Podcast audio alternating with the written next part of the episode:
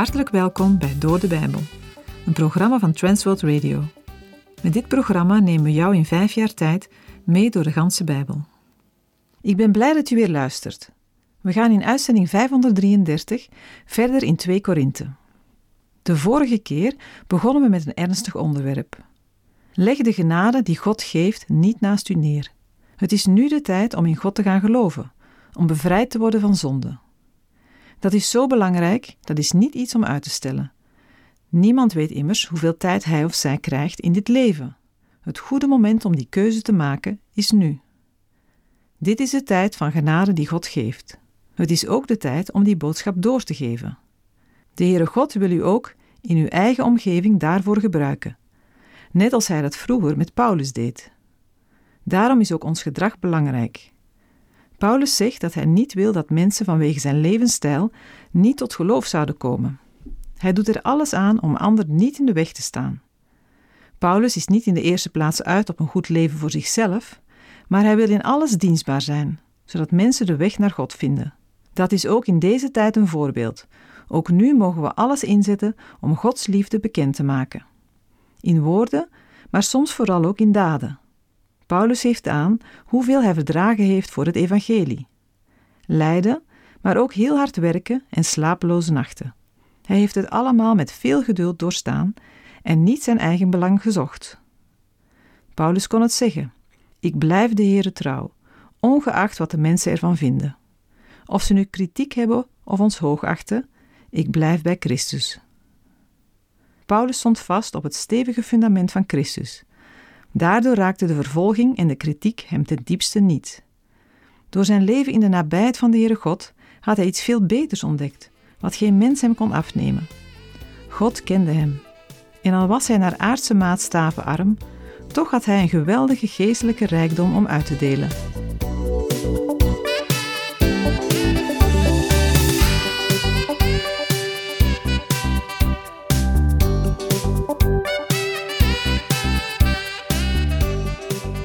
Vorige uitzending sloten we af met bewogen woorden van Paulus. Hij heeft zijn hart vol liefde geopend voor de Corinthiërs en hij motiveert hen om hetzelfde voor hem en zijn medewerkers te doen.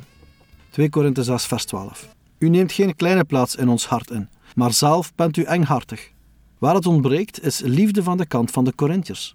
We zouden dit vers kunnen vertalen met Jullie hebben te weinig ruimte in jullie binnenste voor mij.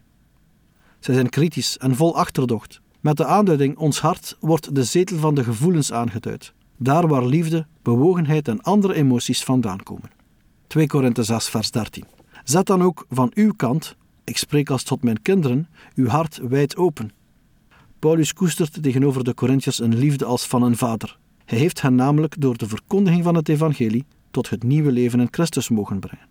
Mag je dan van hen geen wederliefde verwachten, zoals kinderen hun ouders horen lief te hebben? Dit thema zal pas in 2 Korinthe 7 vers 2 weer verder gaan met de woorden Geef ons plaats in uw hart.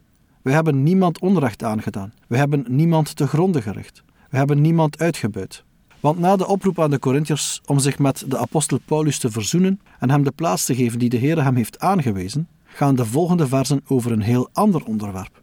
2 Korinthe 6 vers 14 tot en met 7 vers 1 vormen een uitweiding in het betoog van Paulus. 2 Korinthe 6 vers 14 Vorm geen ongelijk span met ongelovigen. Want wat heeft gerechtigheid gemeenschappelijk met wetteloosheid? En welke gemeenschap is er tussen licht en duisternis? Met dit vers begint Paulus over het zich verbinden aan ongelovigen en daarmee direct of indirect aan de afgodendienst. Zoals uit het vervolg zal blijken, bedoelt Paulus onder andere het lidmaatschap van een heidense tempel, waarbij men deelnam aan heidense offermaaltijden en waarbij tempelprostitutie werd bedreven of het aangaan van een gemengd huwelijk met een ongelovige. De eerste zinsnede, vorm geen ongelijk span met ongelovigen, wordt op een beeldende manier voorgesteld, als een oproep om geen gezamenlijk juk te dragen. In het algemeen worden deze woorden uitsluitend op het huwelijk betrokken, maar er is meer voor te zeggen. De woorden van Paulus verwijzen naar twee samenhangende oud-testamentische versen, namelijk Deuteronomium 22 vers 10, waar staat: U mag niet ploegen met een rund en een ezel tegelijk en Leviticus 19, vers 19, waar staat: U moet mijn verordeningen in acht nemen. Van uw dieren mag u niet twee verschillende soorten laten paren. Uw akker mag u niet met twee verschillende soorten zaad inzaaien. En een bovenkleed uit twee verschillende soorten stof vervaardigd mag u niet dragen. In navolging van de voorbeelden uit het Oude Testament worden de ongelovigen door Paulus vergeleken met andersoortige trekdieren, waarmee het eigen trekdier niet mag laten paren, of die niet samen voor één wagen mogen worden ingespannen. Daarmee is de beeldspraak van het Oude Testament breder dan het huwelijk alleen. In 2 Korinthe 6 spreekt Paulus dus over elke vaste, duurzame verbintenis tussen gelovigen en ongelovigen. Hij heeft het uiteraard niet op toevallige of oppervlakkige ontmoetingen. De argumentatie van Paulus is dat gelovigen en ongelovigen in twee totaal verschillende werelden thuishoren. Wat hebben licht en duisternis met elkaar te maken? Wat bedoelt Paulus hiermee? De gelovigen zijn juist bevrijd uit een leven van wetteloosheid, waarin het niet kennen of niet doen van de wil van God de boventoon voert. Ze hebben door het geloof in de Heer Jezus gerechtigheid ontvangen.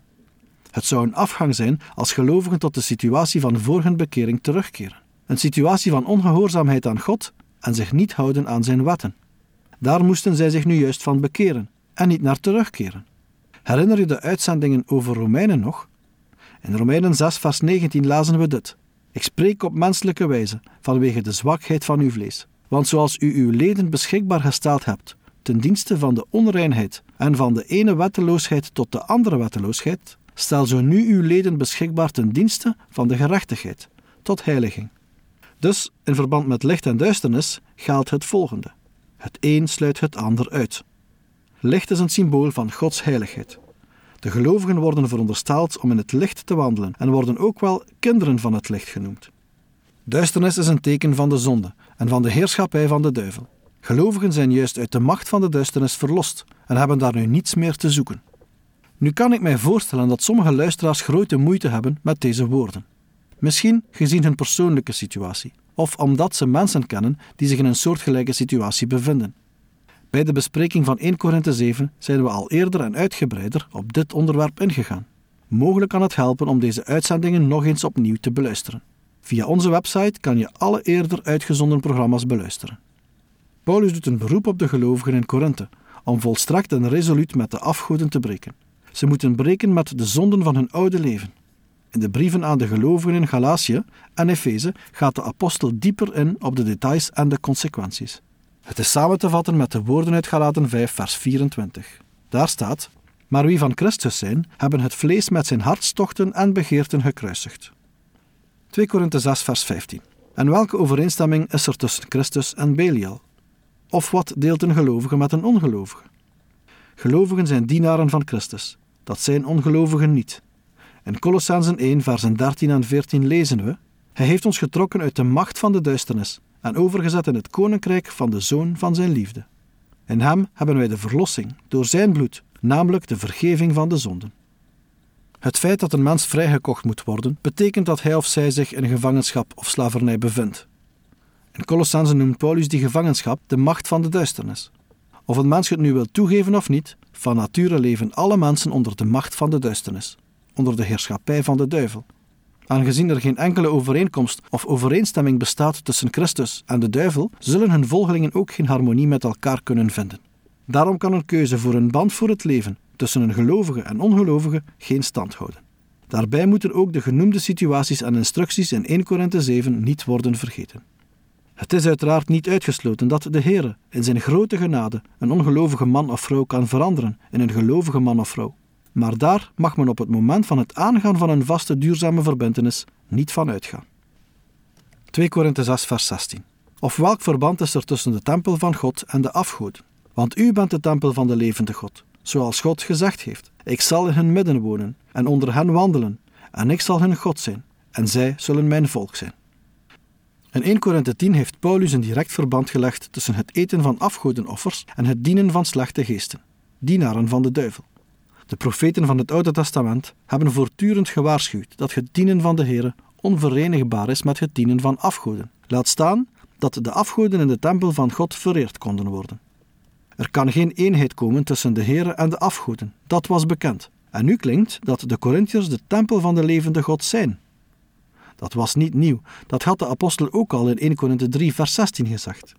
De gelovigen vormen samen de tempel van God. Daarom is het ook onvoorstelbaar dat gelovigen, die deel uitmaken van Gods tempel, tegelijkertijd betrokken raken bij afgoderij. Bijvoorbeeld door deelname aan een heidense tempeldienst, of door het aangaan van een huwelijk met een ongelovige. De Heere wordt door de apostel Paulus de levende God genoemd, om de tegenstelling met de dode, onmachtige afgoden te accentueren. Dat gelovigen de tempel van de levende God vormen, wordt door Paulus onderbouwd met een citaat uit het Oude Testament. Het citaat wordt voorafgegaan door de krachtige inleidingswoorden, zoals God gezegd heeft. Daarmee krijgt het citaat een onherroepelijk en onvermijdelijk karakter. Het gaat om een vrije aanhaling uit Leviticus 26, vers 12, waar de Heere belooft te midden van zijn volk in de tabernakel te zullen wonen. Het citaat is als volgt: Ik zal in uw midden wandelen. Ik zal u tot een God zijn en u zult mij tot een volk zijn. We vinden in de Bijbel trouwens nog meer gelijkaardige citaten.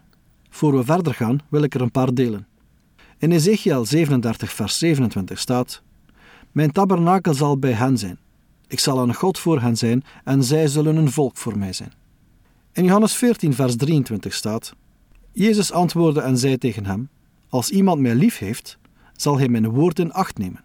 En mijn vader zal hem lief hebben, en wij zullen naar hem toekomen en bij hem intrek nemen. Dus gelovigen in Christus zijn de woon- en verblijfplaats van de Heer en kunnen daarom de tempel van de levende God worden genoemd. God alleen is hun Heer. Er is geen ruimte voor afgoden. Zij zijn Gods volk en daarmee afgezonderd van andere volken. 2 Korinthe 6, vers 17. Ga daarom uit hun midden weg en zonder u af, zegt de Heer, en raak het onreine niet aan. De gelovigen worden opgeroepen al het onreine achter zich te laten.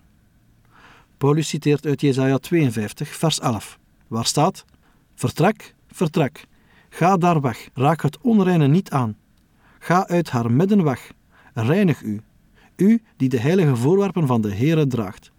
Het oorspronkelijke citaat is een oproep aan de Joden en in het bijzonder aan de tempeldienaren, levieten en priesters, om uit Babylon te vertrekken, zich te reinigen en terug te keren naar de stad Jeruzalem. Gelovigen moeten zich distancieren van de leefwijze van ongelovigen. In Openbaring 18, versen 4 en 5 hoort Johannes een stem uit de hemel over Babylon het volgende zeggen. En ik hoorde een andere stem uit de hemel zeggen: Ga uit haar weg, mijn volk, opdat u geen deel hebt aan haar zonden, en opdat u niet van haar plagen zult ontvangen. Want haar zonden hebben zich opgestapeld tot aan de hemel. En God herinnerde zich aan haar ongerechtigheden. De gelovigen moeten in ethische zin afstand nemen van ongelovigen en van hun leefwijze, en de in vers 14 bedoelde verbindingen met ongelovigen niet aangaan. Soms kan de goddeloosheid zo concreet zijn dat een christen ook letterlijk weg moet gaan. 2 Korinthe 6, vers 18. En ik zal u aannemen, en ik zal u tot een vader zijn, en u zult mij tot zonen en dochters zijn, zegt de Heere, de Almachtige. Deze woorden horen niet bij Jesaja 52. De woorden zijn een aanvulling en mogelijk ontleend aan Ezekiel 20, waar de terugkeer van Israël uit Babel ook aan de orde is. De levensstijl van christenen is altijd een belangrijk aspect bij de verkondiging van het evangelie geweest. Prachtige woorden en een belabberde levensstijl botsen op elkaar en maken het getuigenis van een christen ongeloofwaardig. Het is voor een gelovige goed om zich dat te realiseren. Laten wij daarbij vooral de kleine dingen niet vergeten. Een gelovige kan resoluut en kordaat dingen nalaten. Maar onze tong kan de gemeenste roddels en woorden produceren die zeker in de categorie onrein en ontoelaatbaar horen. In Spreuken 21, vers 23 lezen we: Wie zijn mond en zijn tong bewaart, bewaart zichzelf voor benauwdheden. Verstandige mensen zijn zorgvuldig in het kiezen van woorden en proberen niet driftig, loslippig en onnadenkend te zijn. Ze weten dat een verkeerd woord op de verkeerde plaats grote problemen kan brengen. Er zomaar even wat uitflappen kan anderen pijn doen. Het is voor mensen die met het geloof, de kerk en de Bijbel zijn opgevoed, redelijk gemakkelijk om te praten over de dingen van God en te zeggen dat we Hem lief hebben. En het is waar dat christenen midden in de wereld staan, met de opdracht om al de volken tot leerlingen van Jezus te maken. Maar bij die opdracht gaat het niet alleen om het praten, maar ook om het voorleven, om een christelijke levenswandel die aanstekelijk werkt. Paulus schreef in 1 Korinthe 3, versen 1 tot en met 3: En ik, broeders, kon tot u niet spreken als tot mensen die geestelijk zijn, maar als tot mensen die nog vleeselijk zijn, als tot jonge kinderen in Christus. Ik heb u met melk gevoed en niet met vast voedsel, want u kon dat nog niet verdragen. Ja, u kunt dat ook nu nog niet, want u bent nog vleeselijk.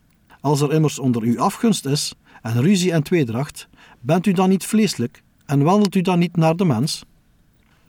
Terug naar 2 Korinthe. Het boek vertaalt de versen 17 en 18 als volgt: Ga daarom uit hun midden weg, keer u van hen af en raak het onreine niet aan. Dan zal ik u aannemen. Ik zal uw vader zijn en u zult mijn zonen en dochters zijn, zegt de Heer, die alle macht heeft. Degenen die zich afzonderen van het heidendom, zal God aannemen. Dit aannemen krijgt de vorm van een relatie als die van een vader met zijn kinderen.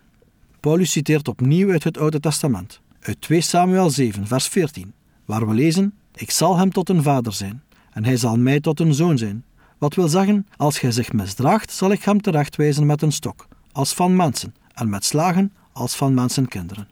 De manier waarop Paulus citeert is echter zo vrij dat Paulus de oorspronkelijke woorden van de profeet Nathan uitbreidt en ze een ruimere betekenis geeft. Bij de profetie van Nathan in 2 Samuel 7 gaat het om een messiaanse belofte aan David. In het verlengde daarvan is deze belofte ook van toepassing op iedereen die bij de Messias, bij Christus, hoort. Paulus voegt voor de duidelijkheid het woord dochters aan de profetie toe, omdat de belofte even goed geldt voor de zusters in de gemeente.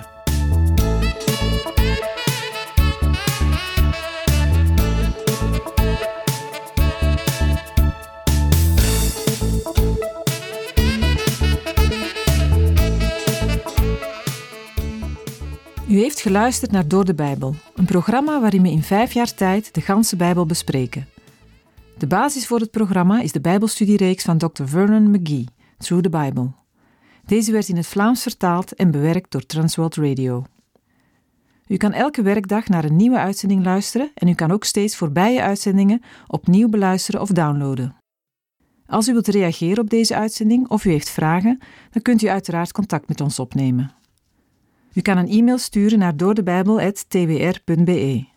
Verder kan u op onze site terecht, www.twr.be, voor meer info en het beluisteren van onze overige programma's. Dit programma werd gepresenteerd door Patrick Couchement en Anne Notenboom. Wij danken u voor het luisteren en graag tot een volgende keer.